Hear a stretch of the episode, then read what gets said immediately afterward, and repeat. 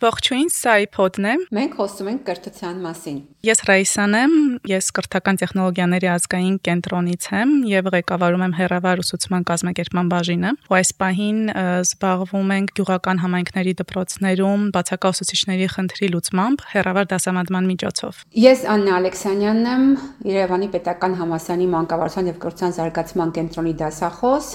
Այս բան գտնվում Ավստրիայում, Ավստրիայի գրացի համալսարանի հյուր պրոֆեսոր եմ եւ այստեղ իրականացնում հետազոտություններ կրթության ոլորտի վերաբերյալ։ Այսօր մենք խոսելու ենք արցանց կրթության մասին եւ հետաքրքիր է, որ հենց այսօրվա ոդքասթն էլ անում ենք արցանց։ Ռայսա, ինձ հետաքրքիր է արդյոք դուք մտածել եք միասնական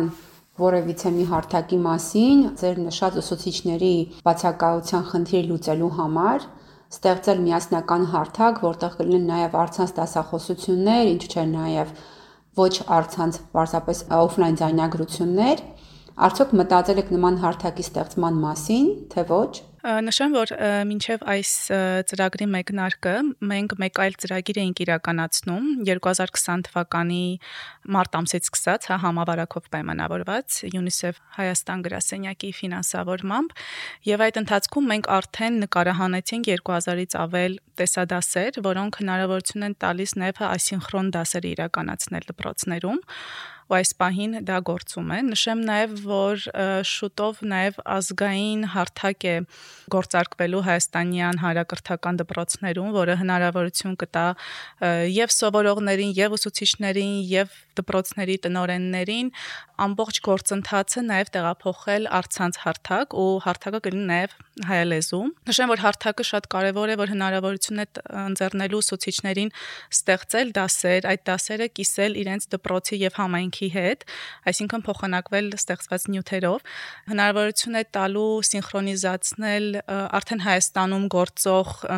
ԵՄԻՍ հարթակի հետ, ինչը նշանակում է, որ երբ որ ուսուցիչը կամ սովորողը մուտք կգործեն հարթակ, իրենք արդեն կտեսնեն իրենց դասարանները ստեղծված, իրենց դասացուցակը ստեղծված եւ այլն։ Դասարան ստեղծելու կարիք չի լինելու։ Կարծում այս պահին այս քայլերն են, որոնք ձեռնարկվում են։ Ուսումնասիրել եք այլ երկրների փորձ նմանատիպ հարթակներ գործում են այլ երկրներում, թե պարզապես նախաձեռնությունը հենց մեր երկրում է իրականացվում։ Չէ, իրականում բավականին լայն բենչմարքինգ է իրականացվել հարթակը ստեղծելուց առաջ եւ ուսումնասիրել է եւ եվրոպական եւ ամերիկյան փորձը։ Իհարկե կան այն ամենահայտնի հարթակները, օրինակ Google Classroom-ը, որը օգտագործվում է, սակայն որոշվեց ըստ մեր հանրակրթական դպրոցների կարիքների ստեղծել այս հարթակը ու Աննաջան նաև շատ հետաքրքիր է դուք որպես մանկավարժ ինչքանով ձեզ համար կարևոր որևէ հարթակի արկայությունը եւ հետաքրքիր է նաև թե ինչպես եք ընտրում թե որ հարթակով իրականացնեք ուսումնառությունն ու դասավանդումը Բուհական համակարգում մի փոքր այլ է, եթե զուգահեռ տանենք բուհական համակարգի եւ հանրակրթության համակարգի միջև, բուհական համակարգում մի փոքր այլ է, կան միջազգային փորձարկված հարթակներ, որոնք ճանաչվել են հաջողված եւ կիրառվում են։ Օրինակ Երևանի Պետական Համալսարանում կիրառում ենք Moodle հարթակը, վաղուց ի վեր դեռևս մինչև համավարակը, կարող եմ ասել, եւ հետարքիր է, որ այստեղ Ավստրիայում, որտեղ որ հիմա աշխատում եմ, այստեղ նույնպես կիրառվում է Moodle հարթակը։ Դա միջազգայինորեն փորձարկված հարթակ է բուհական համակարգի համար, բավականին հաջողված հետարքիր ինտերակտիվ գործիքներով, որը հնարավորություն է տալիս ոչ միայն նյութերը տեղադրել ուսանողների համար, այլև ստեղծել հետարքիր ինտերակտիվ կոնտենտներ։ Ուսանողներն ունենում են մուտք այդ հարթակ, օգտվում են նյութերից, կիրառում են ինտերակտիվ գործիքները, ինչպես նաև հնարավորություն կա այնտեղ ուսանողներին գնահատելու, գնահատականները տեղադրելու, ոչ միայն պարզապես ինֆորմացնելու համար ուսանողին,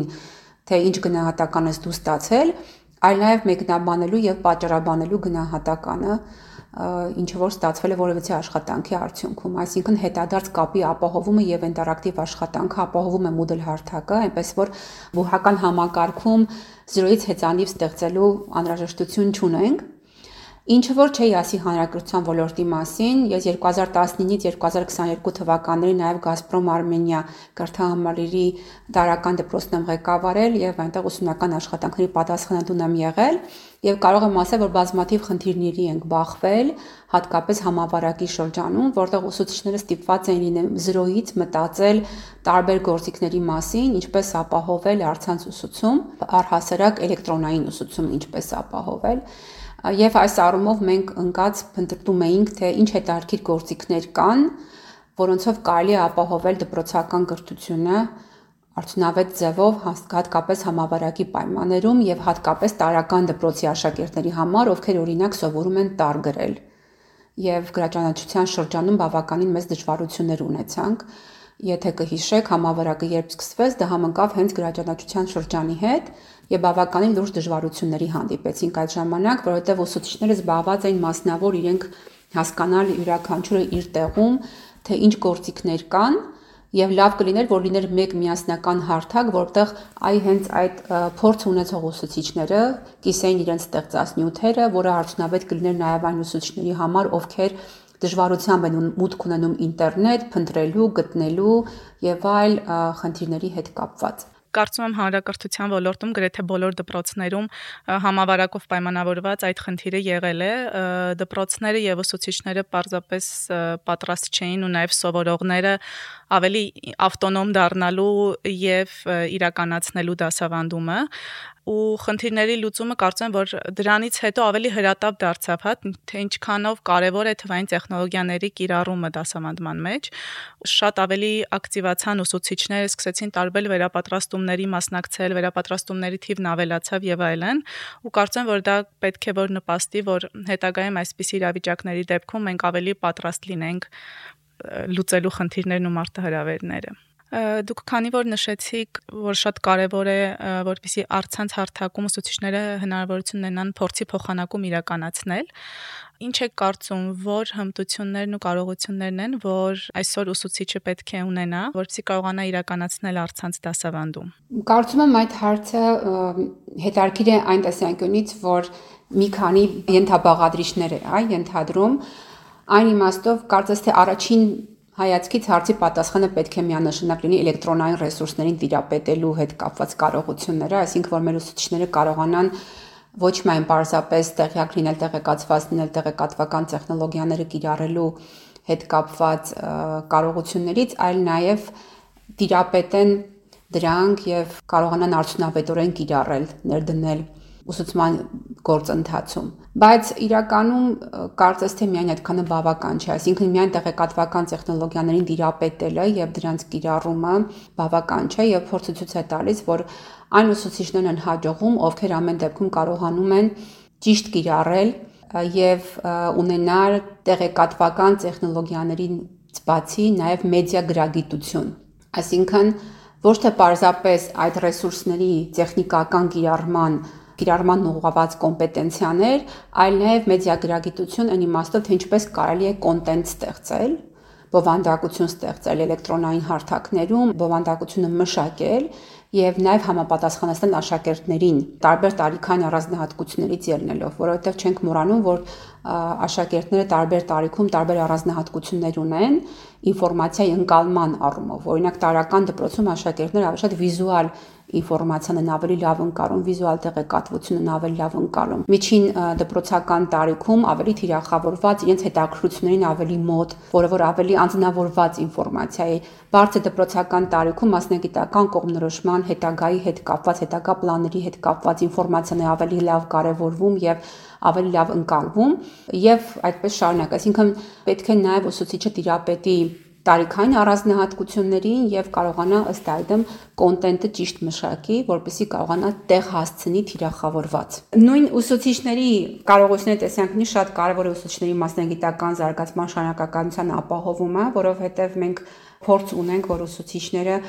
աշակերտների հետ մնալով դասարանում միայնակ իրենք կիրառում են այն ինչ որ իրենց համար հաջողված է համարվում եւ շատ դժվար է դասարանում փոփոխություններ անել եւ այս իմաստով կարեւոր է շարունակական ծրագրերի իրականացումը, որոնց միջոցով հնարավոր կլինի փոխադարձ դասալսումներ դպրոցում, տարբեր ակտիվությունների կազմակերպումը, որտեղ ուսուցիչը կզգա նոր գիտելիքի ոչ միայն պարզապես իմացությունը, այլ նաև կիրառումը եւ դրա կյանքի կոչումը աշակերտների հետ միասին ուսուցիչ իրեն չզգա լիդեր փոփոխություններում, չի կարողանա ունենալ այնպիսի աշակերտներ, ովքեր կարող են բնել այդ փոփոխությունները, իսկ հասարակությունը շատ արագ է զարգանում, մենք պետք է ուղղակի հասնենք այդ փոփոխությունների հետևից, այսինքն ժամանակ էլ չունենք մտածելու, արդյոք մեզ պետք են փոփոխություններ, թե պետք չեն, եւ երբ ինչպես կարող ենք մենք ունենալ փոփոխություններ սիրող ուսուցիչներ։ Պետք է պարզապես հետամուտ լինել ուսուցիչների մասնագիտական զարգացման շնորհակալության ապահովմանը եւ նմանատիպ ծրագրերի իրագործմանը դպրոցներում ամենատարբեր ձևերով կամ միջազգային փորձ, որը կարելի է ուսումնասիրել եւ հասկանալ ինչպես կարելի է դա տեղայնացնել մեր երկրում։ Ռայսա, քանի որ նշեցիք, որ դուք ավելի ադմինիստրատիվ եւ կրթության կառավարման ոլորտում է ձեր փորձը, կուզենայի իմանալ արդյոք տիրապետում եք թե ինչ կարելի է անել արցանց կրթությունը ավելի լավ կազմակերպելու համար, օրինակ UNICEF-ի կողմից իրականացված հետազոտությունները ցույց տվեցին, որ հատկապես արցանց կրթությունը այդքան էլ արդյունավետ չի եղել զարգացման խնդիրներ ունեցող երեխաների կրթությունը կազմակերպելու տեսանկյունից եւ ընդհանրապես եթե ուսումնասիրել եք եւ ոլորտը եւ պատկերացնում եք թե ինչ բացեր կա ինչ ինչպես եք հաշվի առնում այդ հետազոտությունների արդյունքները եւ ինչն եք շեշտադրում առցանց կրթությունը ել ավելի արդյունավետ կազմակերպելու համար Իհարկե հանրակրթության եւ բուհական համակարգերը բավականին տարբեր են հարևշի առներով թե որ թիրախային խմբի հետ են առնչվում հանրակրթության դեպքում կարևոր հմտություններից է կարծում եմ, ինչպես նշեցիք, մեդիա գրագիտությունն եւ հետազոտական միտքը, որպեսզի կարողանան գտնել համապատասխան ռեսուրսները եւ կիրառել։ Շատ կարևոր է, որպեսզի ինքնանպատակ չլինի տվյալ էլեկտրոնային գործիքի կիրառումը, այլ հասցեագրի կոնկրետ սովորողի ու կոնկրետ վերջնարդյունք Մյուս կարևոր հանգամանքը համենայն դեպս մենք պետք է ունենանք միջոցներ արցանց դասավանդում իրականացնելու համար ու պետք չէ մոռանալ, որ նաև հենց UNICEF-ի հետազոտության արդյունքներում, որ շատ հատկապես գյուղական համայնքների դպրոցներում չկան սարքավորումներ եւ սովորողները նույնպես չունեն սարքավորումներ, այսինքն եթե մենք այսօր խոսում ենք արցանց կրթության մասին, պետք է հասկանանք թե ինչ միջոցներով ենք անելու արցանց կրթությունը։ Ու քանի որ մենք այսօր առցանց դասավանդում ենք անում գյուղական համայնքների դպրոցներում, մեր հիմնական մարտահրավերը հենց այն է, որ սովորողը տանը ճունի սարքավորում եւ իր ամբողջ գործընթացը սահմանափակվում է դպրոցում, որը բոլորովին չի օգնում հասնելու այն վերջնարդյունքներին ու այն նպատակին, որ ունի առցանց կրթությունը։ Ուզում եի նաև նշել, որ միգուցե այսօր շատ ավելի ակտուալ է խոսել համակցված կրթության մասին, երբ հա ուսուցիչը դասարանում է կիրառում թվային տեխնոլոգիաները, ու կարծում եմ, որ եթե մենք ունենանք ուսուցիչներ, որոնք ավելի ակտիվ դասարանում կկիրառեն թվային տեխնոլոգիաները, վաղը արդեն որևէ ֆորս մաժորային իրավիճակի դեպքում իրանք շատ ավելի հեշտությամբ կկարողանան սովորողին դասասենյակից հա տանել տուն եւ այնտեղից միանալ ու մի շարք մարտահրավերներ կարծում եմ կլու կլուծվեն։ Լիովին համաձայն եմ ձեզ հետ, այն իմաստով, որ համավարակը կարծես թե պարտադրեց արցանց ուսուցման գործիքները կիրառելու առումով եւ ստիպված եղանք համապատրաստից շատ բան սովորել եւ հատկապես մեր ուսուցիչները նրանք ովքեր երբեք չէին կիրառել այդ գործիքները օրինակներ գիտենք որ արցանց ուսուցման ժամանակ կիրառվել են տարբեր սոցիալական հարթակներ անգամ նույնիսկ Facebook-յան Messenger-ով, WhatsApp-ով, Viber-ով գիտենք օրինակներ, որոնց միջոցով դասավանդում է իրականացվել Ճիշտ ասած, ես չէի ուզենա սա դիտարկել որպես քննադատելի իրողություն, որովհետև ուսուցիչը այդ պահին ինչ ձեռքի տակ ունեցել է եւ ինչին ինքը տիրապետել է, դա էլ կիրառել է եւ սա էլ է կարելի ասել իրավիճակ, որտեղից որ ուսուցիչը փորձել է պատվով դուրս գալ եւ ուսուցիչ լինելու տիտղոսը պատվով գրել այն իմաստով, որ չի ուզեցել ընդունել այնպիսի իրականություն, որտեղ ինքը չի կարող բովանդակությունը հաղորդել իր աշակերտներին եւ աշխատել իր աշակերտների հետ։ Այսինքն ամենի ինչ կիրառել են իրենց ձեռքի տակ եղած ռեսուրսներով, այս առումով կարող եմ ասել, որ պատվով տարանք մենք այդ բեռը, Չնայած որ ունեցել ենք իրավիճակներ, ինչպես որ դուք նշեցիք, կան հետազոտություններ, որոնք ցույց են տալիս, որ իսկապես աշակերտներ են ունեցել, ովքեր ոչ միայն պարզապես չեն ունեցել իրենց տակ ռեսուրսներ, տեխնիկական ռեսուրսներ, նույնիսկ նրանք, ովքեր ռեսուրսներ ունեցել, չեն ունեցել մուտք ինտերնետին, եւ գիտենք, որ նմանատիպ բազմաթիվ դեպքեր կան հատկապես գյուղական համայնքներում, Ինչու եմ սա նշում, որովհետև հետազոտությունները հենց փաստում են, որ գյուղական համայնքների երեխաների մոտարապես 50%-ը չի ունեցել մուտք ինտերնետային դասերին, արցանց դասերին, որոնք իրականացվել են ուսուցիչների կողմից։ Եվ որpիսի այսպիսի տհաճ անակնկալների առջև չկանգնենք, իհարկե խրախուսելի է, որպեսի ուսուցիչները կիրառեն անընդհատ համակցված ուսուցման ստրատեգիաները, գործիքները դասարանում խրախուսենք նմանատիպ գործիքների կիրառումը, որպեսի նմանատիպ արտակարգ իրավիճակներում ունենանք պատրաստվածություն ոչ միայն տեխնիկական ռեսուրսների տեսանկյունից, որոնք կարող են ել այդ պահին ձեռքի տակ, այլ նաև դրանց կիրառելիության տեսանկյունից եւ արդյունավետ կիրառելիության տեսանկյունից ուշադրության կենտրոնում է պետք պահել այս հարցը։ Ես գիտեմ, որ նախարարությունը իրականացրել է այդպիսի ծրագիր, հասցնել տեխնիկական ռեսուրսներ հատկապես գյուղաբնակ երեխաներին, ինչպես է դա իրականացվել, ինչ սկզբունքներով են իր ընտրվել այն աշակերտները, ում հասցվել են այդ ռեսուրսները, որովհետև հնարավոր չէ բոլորին 100%-ով ապահովել դպրոցներն են ներկայացրել կարիքը եւ այն սովորողների ցանկը, որոնց համար որևէ սարքավորում տրամադրել է հրատապեր այդ պահին եւ այդ ձևով ընտրվել են դպրոցները։ Արդյոք արցանց կրթությունը բխում է տվյալ երկրի մշակույթից, կրթության կազմակերպման ձևից, մտածելակերպից, ինչքանով է հատկապես զարգացած երկրներում ակտուալ արցանց կրթության մասին խոսելը, թե դա արդեն բնական մաս է կազմում դասավանդման։ Կարծում եմ, որ սա համամարտկային խնդիր է, որովհետև նույն համավարակը ստիպեց բոլորիս մտածել արցանց կրթության մասին, միգուցե մինչ այդ էլ մենք ունեինք այդ բոլոր ռեսուրսները, համապատասխան մասնագետները մտածել էին դրա մասին նույն հարթակների ստեղծման առումով, էլեկտրոնային գործիքների ստեղծման առումով,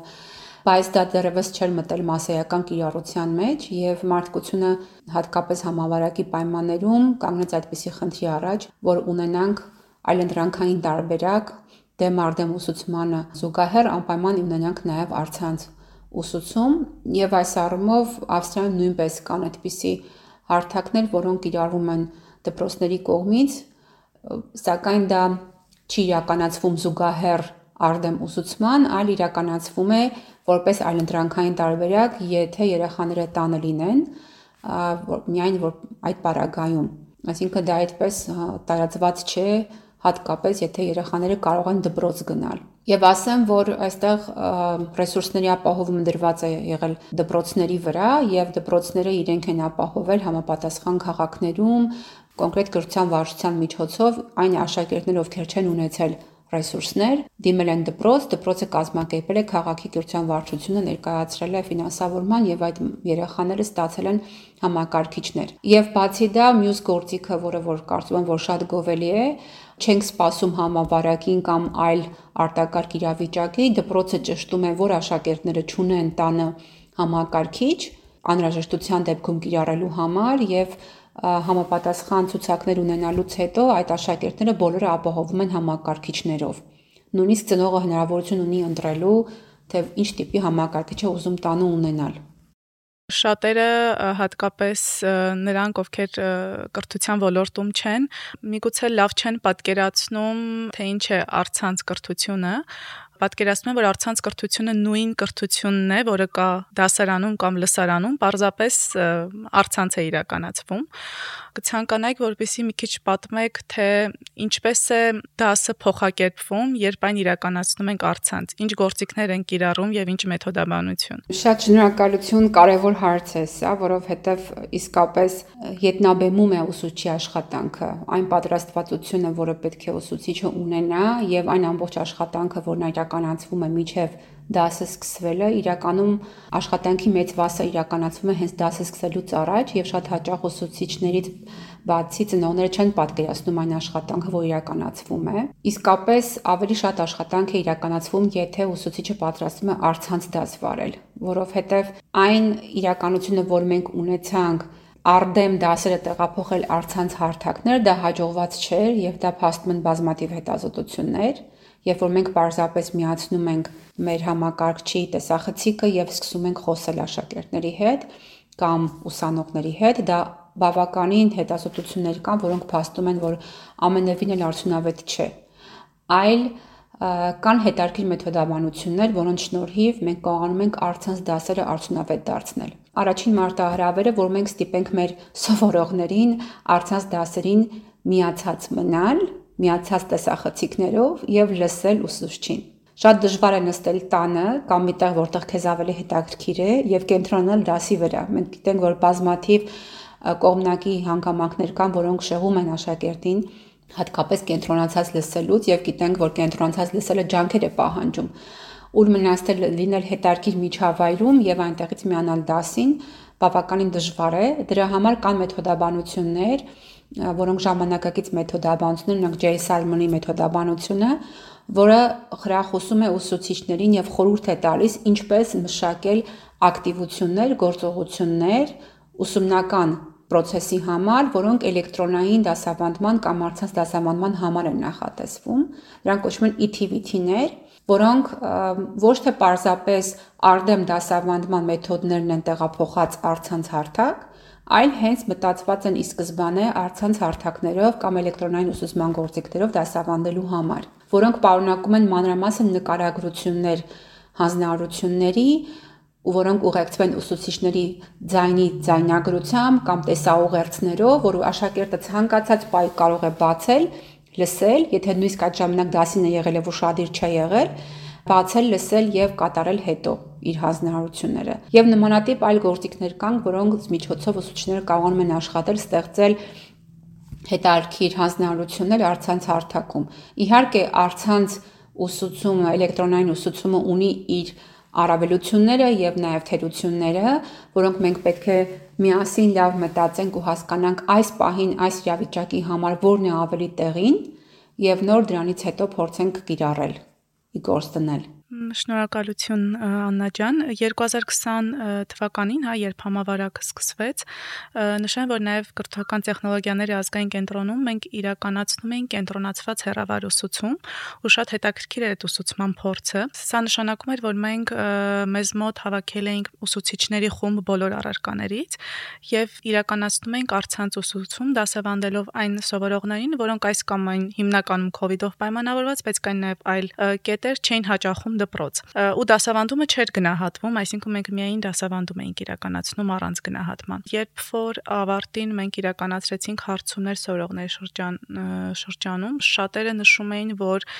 իրենց համար շատ հետաքրքիր էին դասերը, հատկապես որ ավելի ինտերակտիվ էին, խաղեր էին այնտեղ կիրառվում, տարբեր վարժություններ էին կիրառվում եւ ցանկություն էին հայտնում սովորողները, որովհետեւ այդ ամբողջ գործիքակազմը նաեւ դպրոցում կարողանան կիրառել նրանցից շատերը նույնիսկ չէին ցանկանում վերադառնալ դպրոց, որտեղ այստեղ ավելի անհատական ուսուցում ուսուցում էր իրականացվում, այնտեղ իրենք մեծ դասարաններում էին շատերը սովորում, կամ շատերը ավելի շատ նախընտրում էին սովորելու գործընթացը միայնակ անել, ոչ թե մեծ դասարանում կամ երբ որ քեզ խանգարում են եւ այլն։ Ուզում եմ նշել, որ կոնկրետ մեր փորձառությունը այսպիսին է եղել դասավանդման դեպքում, որը կարծում եմ դրական է ու